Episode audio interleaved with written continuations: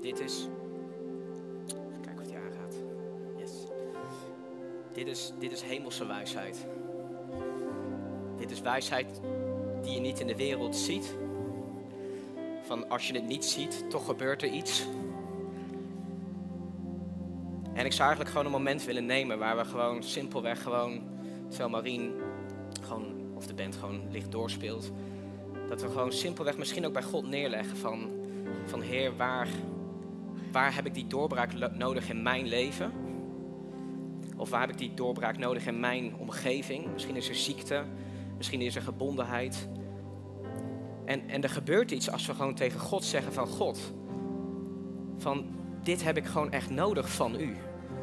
Dit heb ik nodig. Want in je hersenen zit een mechanisme dat op het moment dat je dat gaat zeggen, dan ga je het ook zoeken. Dus als je gaat uitspreken, Heer, die vrijheid waarvan ik weet dat het in u is, die wil ik. Dan ga je er ook naar jagen, dan ga je er naar verlangen. Misschien die doorbraken in genezing van, van het staat in uw woord.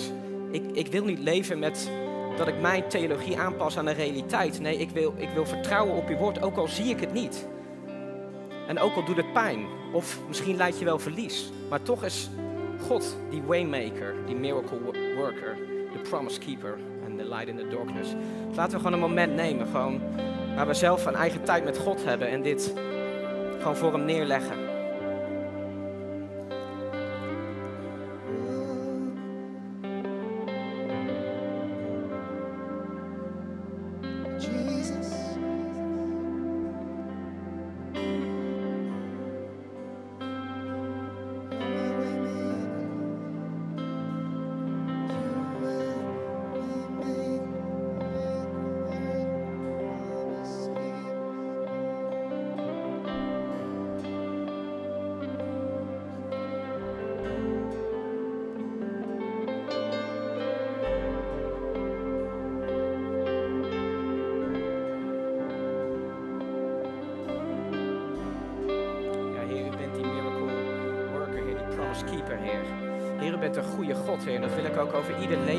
Uitspreken, dat u een goede God bent.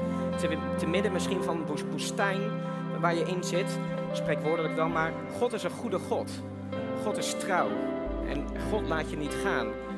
Er is geen verleiding die op je weg komt die groter is dan wat je kan handelen. Er is genade beschikbaar voor elk probleem waarmee je mee worstelt. Het is niet dat Jezus nog een keer aan het kruis moet. Het is betaald, het is afgekocht en daar willen we voor gaan. En dat wil ik ook uitspreken over iedereen deze ochtend. In Jezus' naam. Over de wijsheid gesproken van. Er is soms zo'n groot verschil tussen wereldse wijsheid en Gods wijsheid. En ik kwam eigenlijk twee verhalen tegen van sporters. En, um, en sporters denken op een bepaalde manier, topsporters dan. En, um, en één verhaal ging over Mohammed Ali. Ik, ik weet trouwens niet beide verhalen of ze waar zijn. Ik, ik vond ze alleen maar, dus niet, niet zeg maar dat er nu een heel gerucht ontstaat of iets. Maar Ehm, maar het ging over Mohammed Ali. En Mohammed Ali die zat op een dag in een vliegtuig, waarschijnlijk of na een bokswedstrijd of iets. Voor, voor wie niet weet wie Mohammed Ali is, dat was een behoorlijk goede bokser. Ehm, volgens mij zelfs voordat ik werd geboren, dus lang geleden. En, en Mohammed Ali die, die zat in dat vliegtuig en het lampje ging, ging branden dat er turbulentie aankwam. En ook de piloot ehm, die zei op een bepaald moment van... hey, iedereen moet echt wel uh, zijn of haar gordel gaan aandoen. En als die piloot dat zegt, van voor sommigen komt dat misschien een beetje binnen als van. Um, en ieder die religieus is, dit is het moment om er iets mee te doen, zeg maar. Dus, maar Muhammad Ali, die vond dat niet nodig. Dus de stewardess die kwam naar hem toe en die zei van, hey, uh, Muhammad Ali, je moet wel je gordel aandoen. Maar Muhammad Ali, uh, vol van zijn succes, die zei, Superman heeft geen gordel nodig. Maar de stewardess die was nog net een tandje slimmer en die zei van, ja maar Muhammad Ali heeft ook geen, of sorry, Superman heeft ook geen vliegtuig nodig. En er zit iets in, zeg maar. Um, het volgende verhaal is van Ronaldo en Messi. Voor wie niet weten wie dat zijn, welkom in de 21ste eeuw. Behoorlijk goede voetballers. En iemand hoorde ooit dat Ronaldo van zichzelf zei, ik weet, zo'n intro is een perfecte intro van RTL Boulevard, maar, um, maar die zei dus van, ik ben door God gezonden om de wereld te laten zien hoe voetbal eruit ziet. En een journalist die pikte dat op en die ging met dat verhaal naar Messi. Hè? En zijn grote concurrent als het gaat over wie de meeste prijzen pakt in, in gesprekken over wie is nou de grootste voetballer. En Messi reageerde daar heel gevat op. Ik kan me niet herinneren dat ik hem heb gezonden. En dat is, dat is zeg maar, de, nogmaals, dit is denk ik niet waar, hè? maar ik kwam het verhaal alleen tegen. Maar dit is wel wat sporters doen. We zijn altijd bezig als, als tenminste, we, ik niet, als topsporters bezig met van, van hey, wie is dan de grootste, hè, wie heeft de meeste prijzen. Met tennis is al jarenlang discussie over wie is de greatest of all time, de GOAT. Is het Federer, is het Djokovic, Nadal?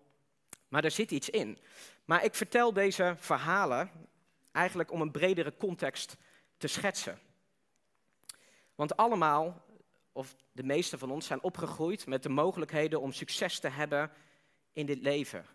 misschien hebben sommigen enorm academisch succes gekend of hebben het. Uh, misschien voor anderen is het zo van hey, dat je een heel, hele goede onderneming hebt. Maar er zit wel ergens een gevaar in dat je op een bepaald moment gaat vertrouwen op je succes. dat je misschien net zoals Mohammed Ali ergens ontastbaar gaat voelen als je in een vliegtuig zit, want ik ben toch Superman. Of dat je je de beste in iets allemaal gaat vinden. En vandaag gaan we het niet hebben over aardse wijsheid, maar we gaan het hebben over hemelse wijsheid. En voordat we konden genieten van een heerlijke zomervakantie, had ik een preek en die bijna dezelfde titel had als dit. Dus ik ga niet dezelfde houden, het is een iets andere preek. En waar keken we toen naar? We keken eigenlijk naar het leven van Petrus. En Petrus was een persoon die op een bepaald moment in zijn leven ontzettend diep zat. Hij was de persoon die een grote mond had, die, die zei dat hij Jezus nooit zou verraden, alles had achtergelaten om Jezus te volgen. Maar bij puntje en paaltje, op het meest moeilijke moment van Jezus' leven, verraadde Petrus Jezus. En hij rende weg. En ik denk dat er allemaal een punt is geweest in ons leven dat we zijn weggerend van God. En misschien soms nog steeds wel.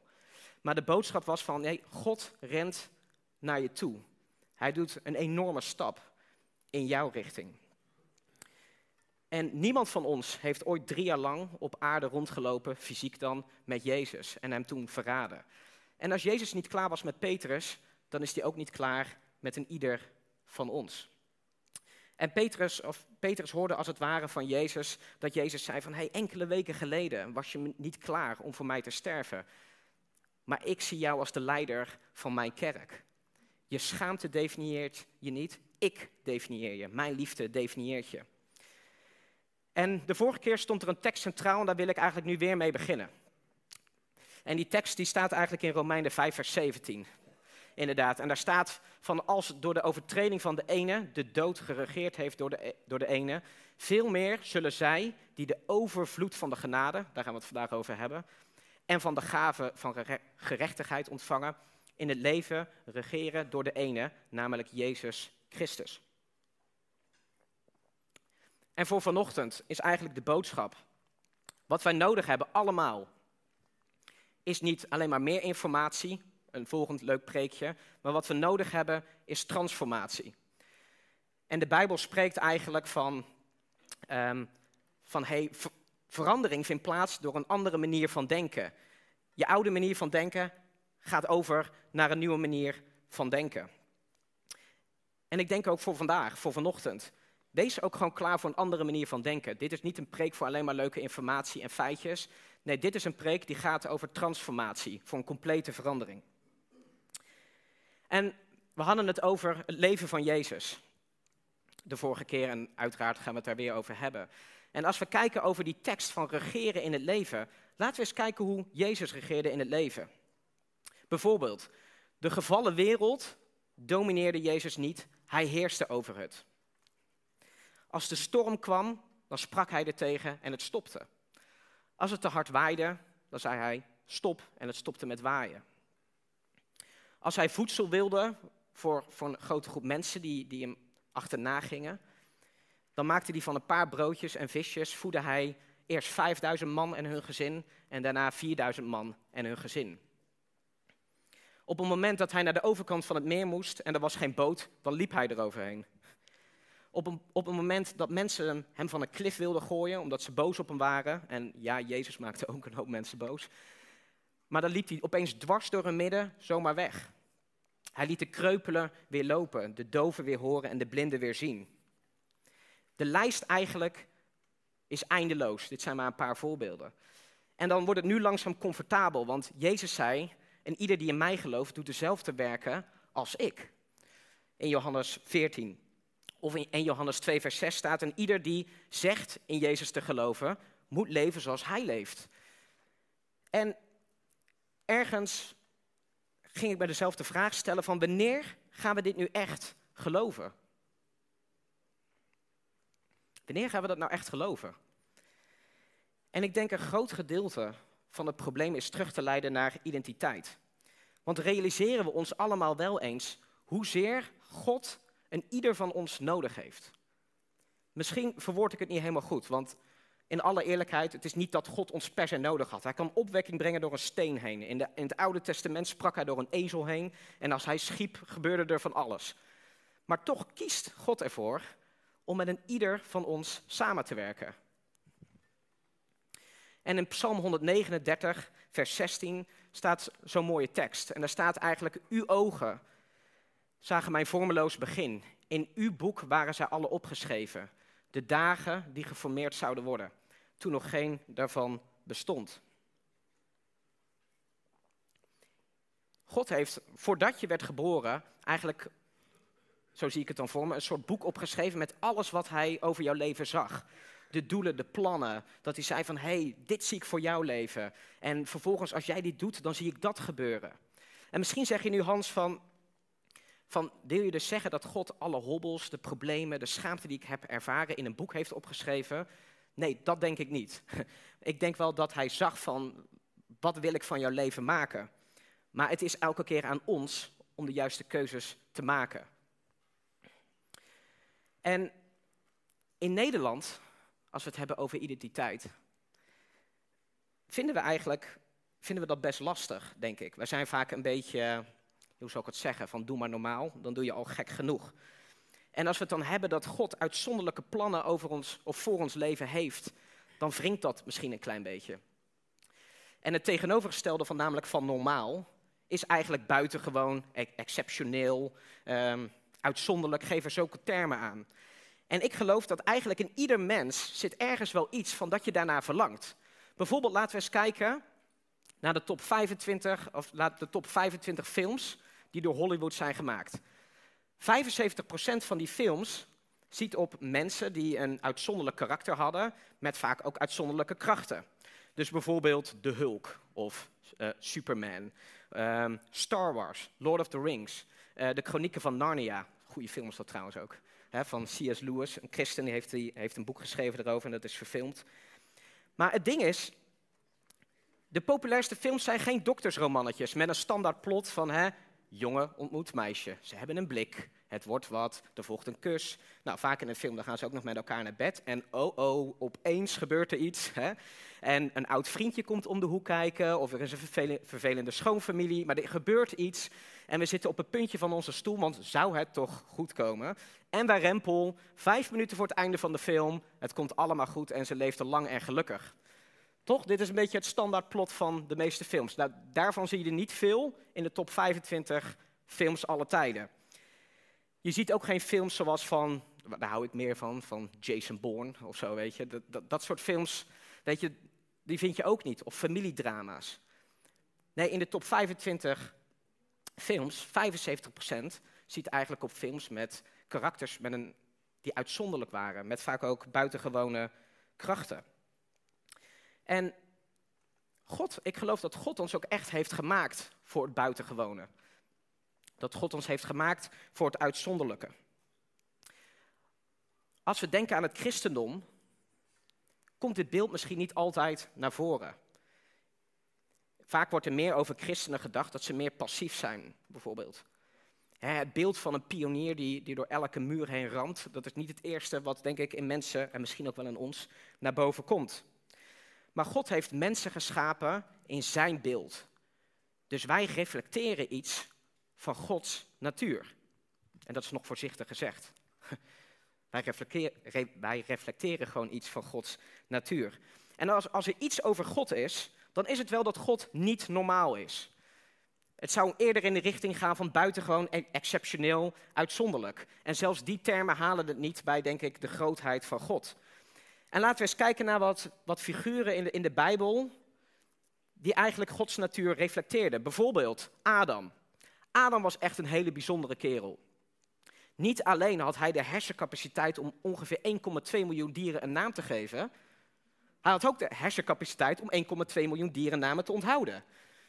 Toch? Als we erover nadenken. Ik bedoel, hoeveel moeite hebben wij wel niet om bijvoorbeeld 10 Bijbelteksten uit ons hoofd te leren? Of 20. Hè? Ik bedoel, als we er een, een quiz van zouden gaan maken en de winnaar die krijgt een koelkast, hoeveel zouden er boven de 100 komen? Toch? Maar Adam, 1,2 miljoen dierennamen. Of in het Nieuwe Testament. Paulus moest mensen overtuigen dat hij niet een God was.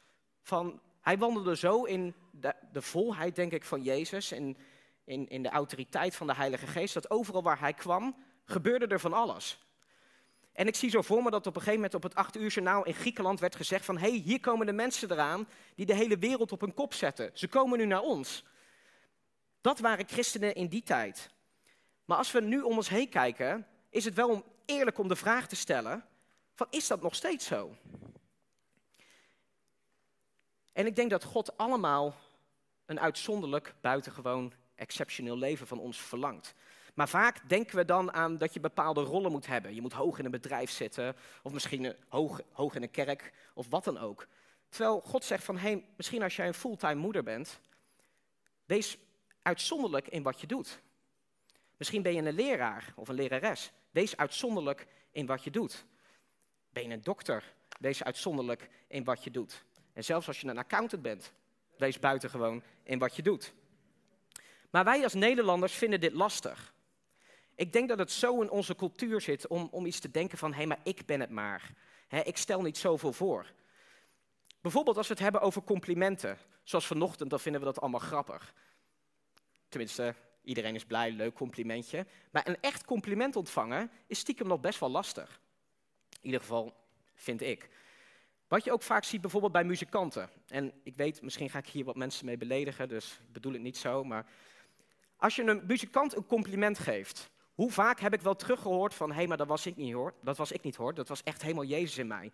En als ik heel eerlijk ben, ik denk, ik denk dan altijd, ja, nou zo goed was het nou ook weer niet. Dus sorry als ik iemand beledig, want er zit echt een halve waarheid in. Van, maar er is echt een verschil als, als Maureen piano speelt. Hè, Maureen die zegt het dan niet trouwens. Maar, maar er is een verschil als Maureen piano speelt of Jezus speelt piano. Ik denk dat er echt een verschil is. Hè, maar er zit natuurlijk nogmaals wel een kern van waarheid in. Dus. En maar dit alles heeft niet te maken met dat wij beter zijn dan anderen of dat we succes hebben waar anderen falen. Nee, wat we net lazen in Psalm 139.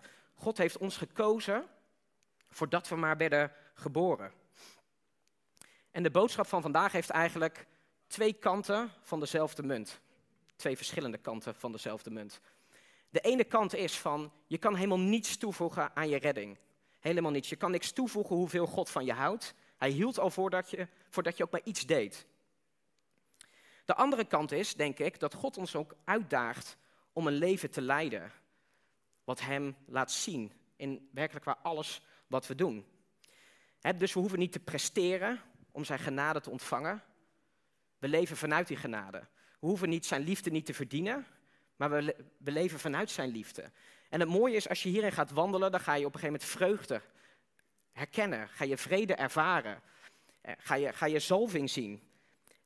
En dan komen we eigenlijk bij waar het vanochtend over gaat, namelijk het woord genade. Want hoe leven we dit buitengewone leven? Waar, waar ik eigenlijk al een tijdje over praat. Hoe leven we dit? En het antwoord is eigenlijk genade. En over genade is eigenlijk altijd best wel een discussie over wat is het nou wel en wat is het dat niet? Wat is het niet? En het is eigenlijk altijd over hele belangrijke dingen. Geestelijke dingen, daar is altijd discussie over. Bijvoorbeeld, even een gedachte, heeft niks te maken met de preek. Waarom is er zoveel gedoe in de hele wereld, zoveel verwarring over wat een jongen is en wat een meisje is? Omdat er een veel diepere geestelijke lading achter zit. En bijvoorbeeld wat je zag bij Mozes en Farao. van waarom wilde Farao alle kinderen, alle mannelijke jongetjes wegdoen, hè, vermoorden. Dat was eigenlijk omdat er eigenlijk ook geestelijk iets stond te gebeuren, dat er een heel leger zou opstaan. En het mooie is, wij zien Mozes echt als de held in het verhaal en terecht ook. Maar er waren al zelfs de, de voetvrouwen, zeg maar, die weigerden om Farao te gehoorzamen. En eigenlijk stapten ze al ergens in van wat God voor hun had bedoeld, alleen dan jarenlang, jaren verder. En is het bijvoorbeeld ook niet over zo'n onderwerp, denk ik dan, van hey, misschien staat er in de wereld wel een hele grote opwekking te gebeuren. En wat heeft God daarvoor nodig? Ook een jonge generatie. En wat probeert de duivel die generatie vol verwarring te laten zijn? Even niet, niks te maken met het onderwerp, maar misschien is iets om over na te denken. Maar met genade is het ook zo. En genade, ik kom wel eens definities tegen die eigenlijk als volgt gaan. Bijvoorbeeld, ik weet dat ik niet leef zoals het zou moeten, maar dat is oké, want ik ben gered en ik ben bedekt met de genade van God.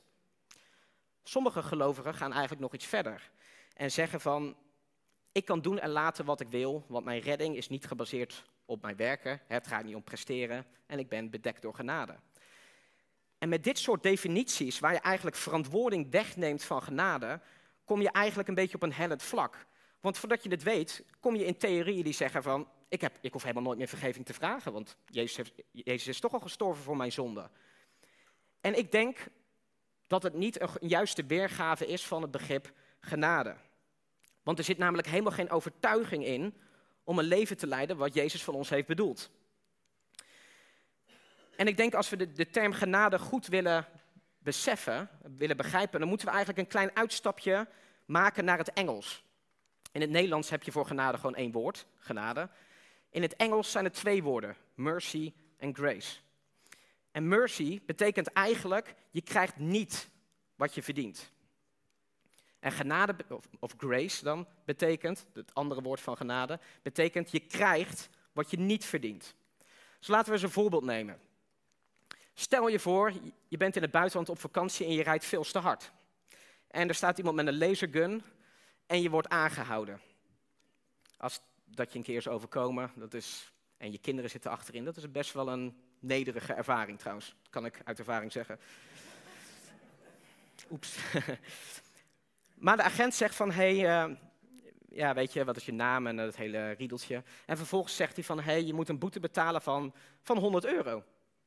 En, um, maar als hij zou zeggen van, hé, hey, je hoeft helemaal niets te betalen, dat is mercy. Je moest 100 euro betalen en nu hoef je niks te betalen. Maar wat als de agent nu zou zeggen van, in plaats van dat je 100 euro moest betalen, ik geef jou nog 100 euro bovenop. Dat is grace, zeg maar. Dit is de overtreffende trap. Het gaat veel verder dan het kwijtschelden van schulden. En ik kwam een onderzoek tegen uit 2009, dus wel een tijdje geleden. Um, en dat ging eigenlijk dat ging onder christenen in Amerika. Zo'n 5000 christenen in Amerika van allerlei stromingen, kerkgaande christenen.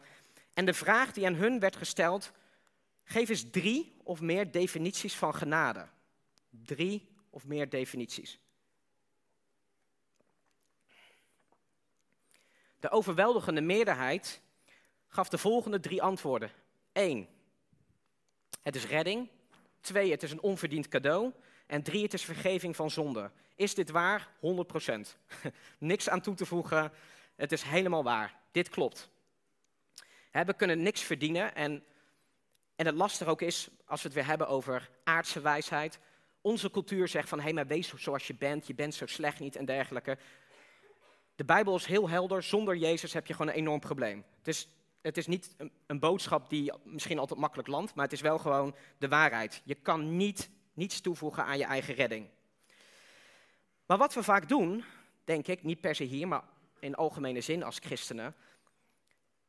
We preken heel de tijd van Jezus is de weg, Jezus is de weg, Jezus is de weg. En dat is zo. Maar vervolgens gaan we zelf in de weg staan. Jezus is niet de weg uit iets, dat is hij ook, maar hij is ook de weg in iets. Het is nooit Jezus' bedoeling geweest om alleen je oude natuur te veranderen. Nee, hij wilde je een nieuwe natuur geven. Hij wilde je niet enkel in het koninkrijk brengen, hij wilde ook het koninkrijk in jou brengen. Maar nu komt het probleem in dit onderzoek.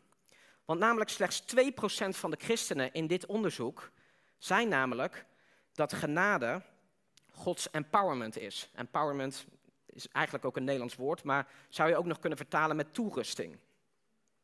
Maar dit is wel zoals God genade omschrijft. Het is empowerment. En het woord genade is dus misschien wel breder dan dat we denken. En als we kijken hoe God praat over genade, dan kwam ik bij een tekst uit 2 Korinthe 12, vers 9, een hele bekende. En die zegt van, mijn genade is u genoeg, want de kracht openbaart zich eerst in zwakte. Of eerst ten volle, openbaart zich eerst ten volle in zwakheid. En dat woord zwak, dat zou je ook kunnen vertalen met onvermogen. En in feite is eigenlijk genade van, van dat, dat komt pas naar boven eigenlijk op het moment dat je in situaties komt die verder gaan dan je natuurlijke bekwaamheden. En ik zat erover na te denken van, het christelijk leven is nooit bedoeld als zwaar. Het is bedoeld als regelrecht onmogelijk.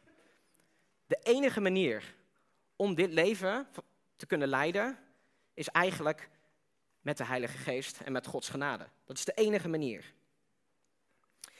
En eigenlijk, als we kijken naar het woord genade, van God refereert aan genade. En 2% dus van de mensen in het onderzoek begrijpt dus niet dat het verder gaat dan je redding. Dus laten we eens gaan kijken hoe ziet dat eruit. Stel je voor, je vecht tegen een verslaving.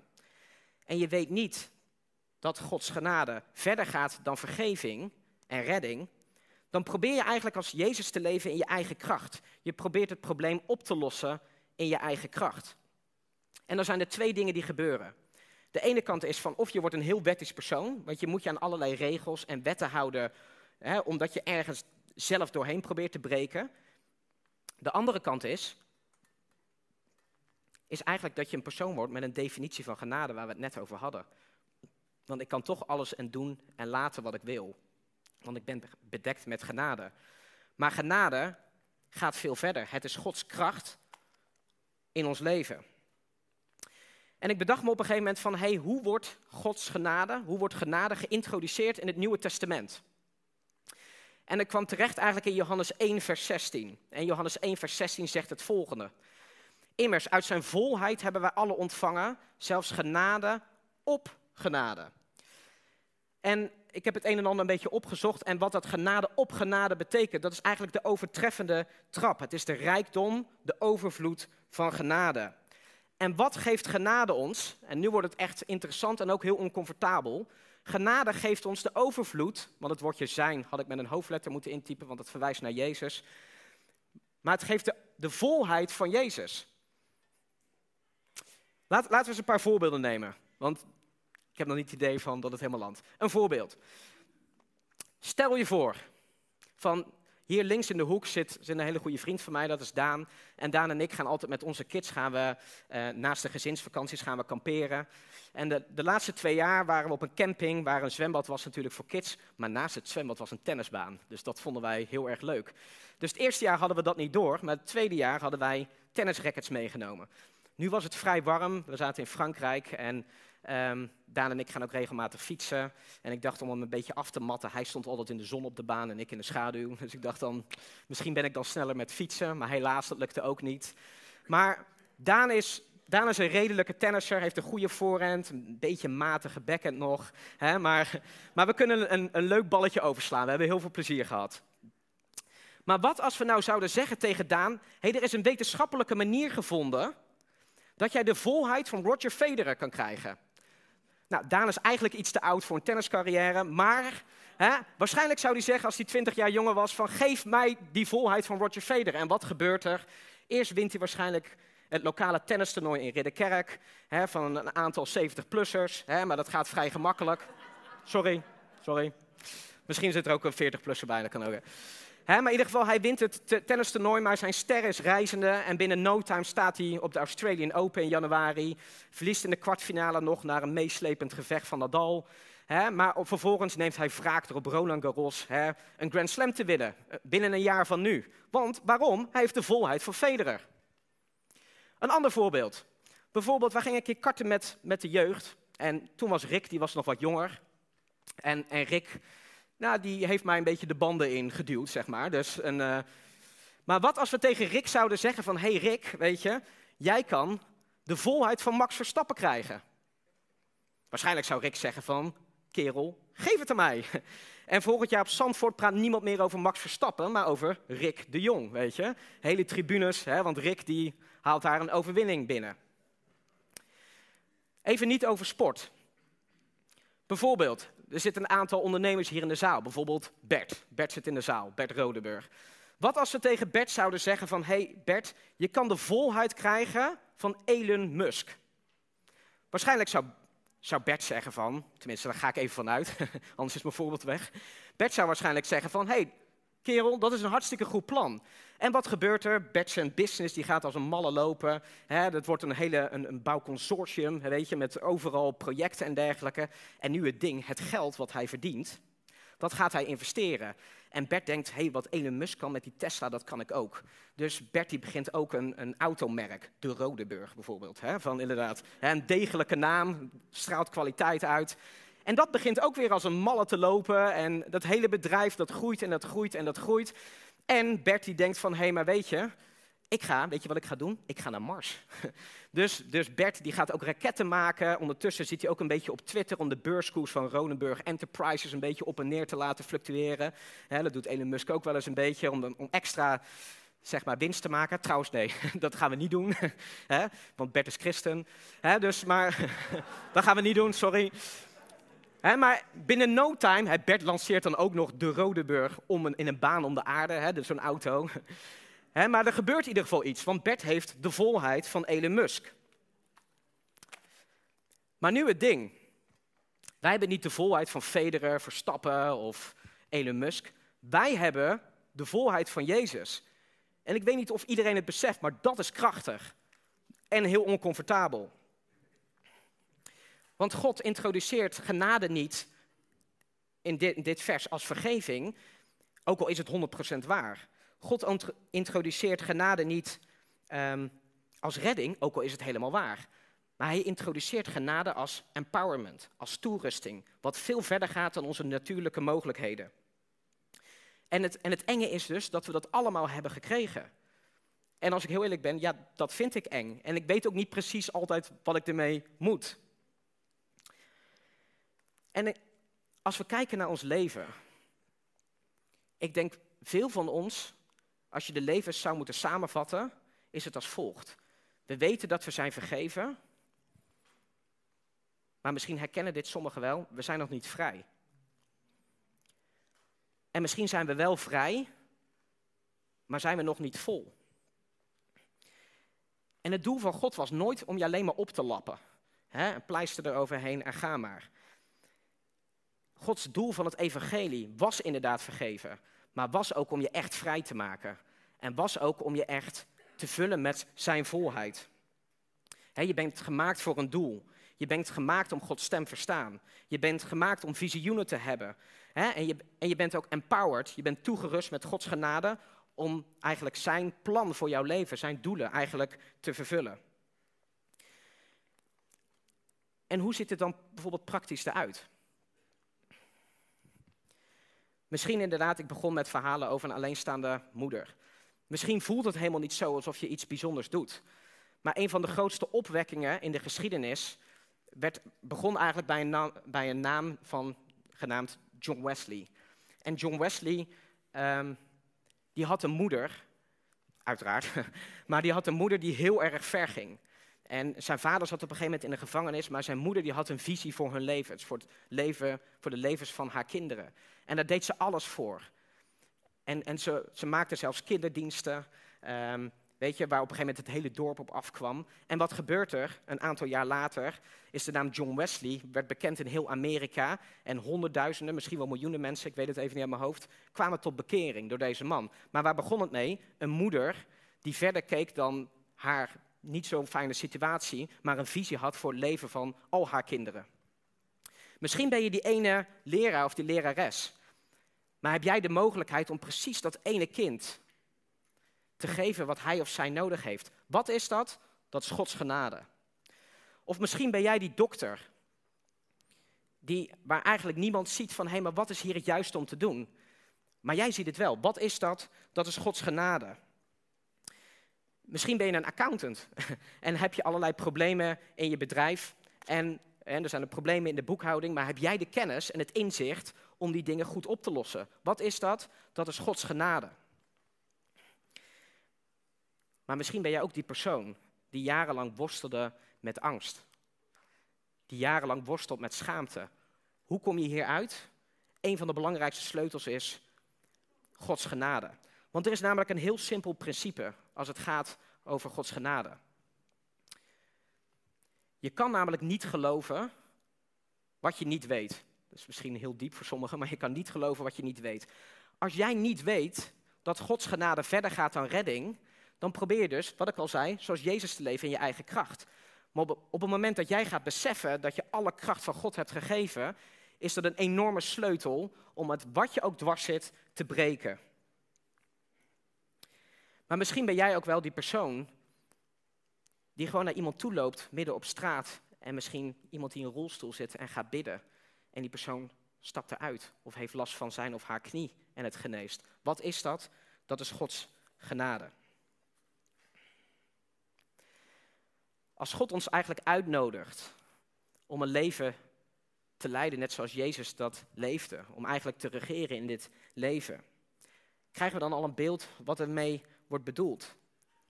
Want hoe Jezus leefde is opeens niet meer onmogelijk als we gaan beseffen dat Gods kracht ons toerust. En, en nogmaals, heel eerlijk, ik weet ook niet altijd hoe ver dit gaat.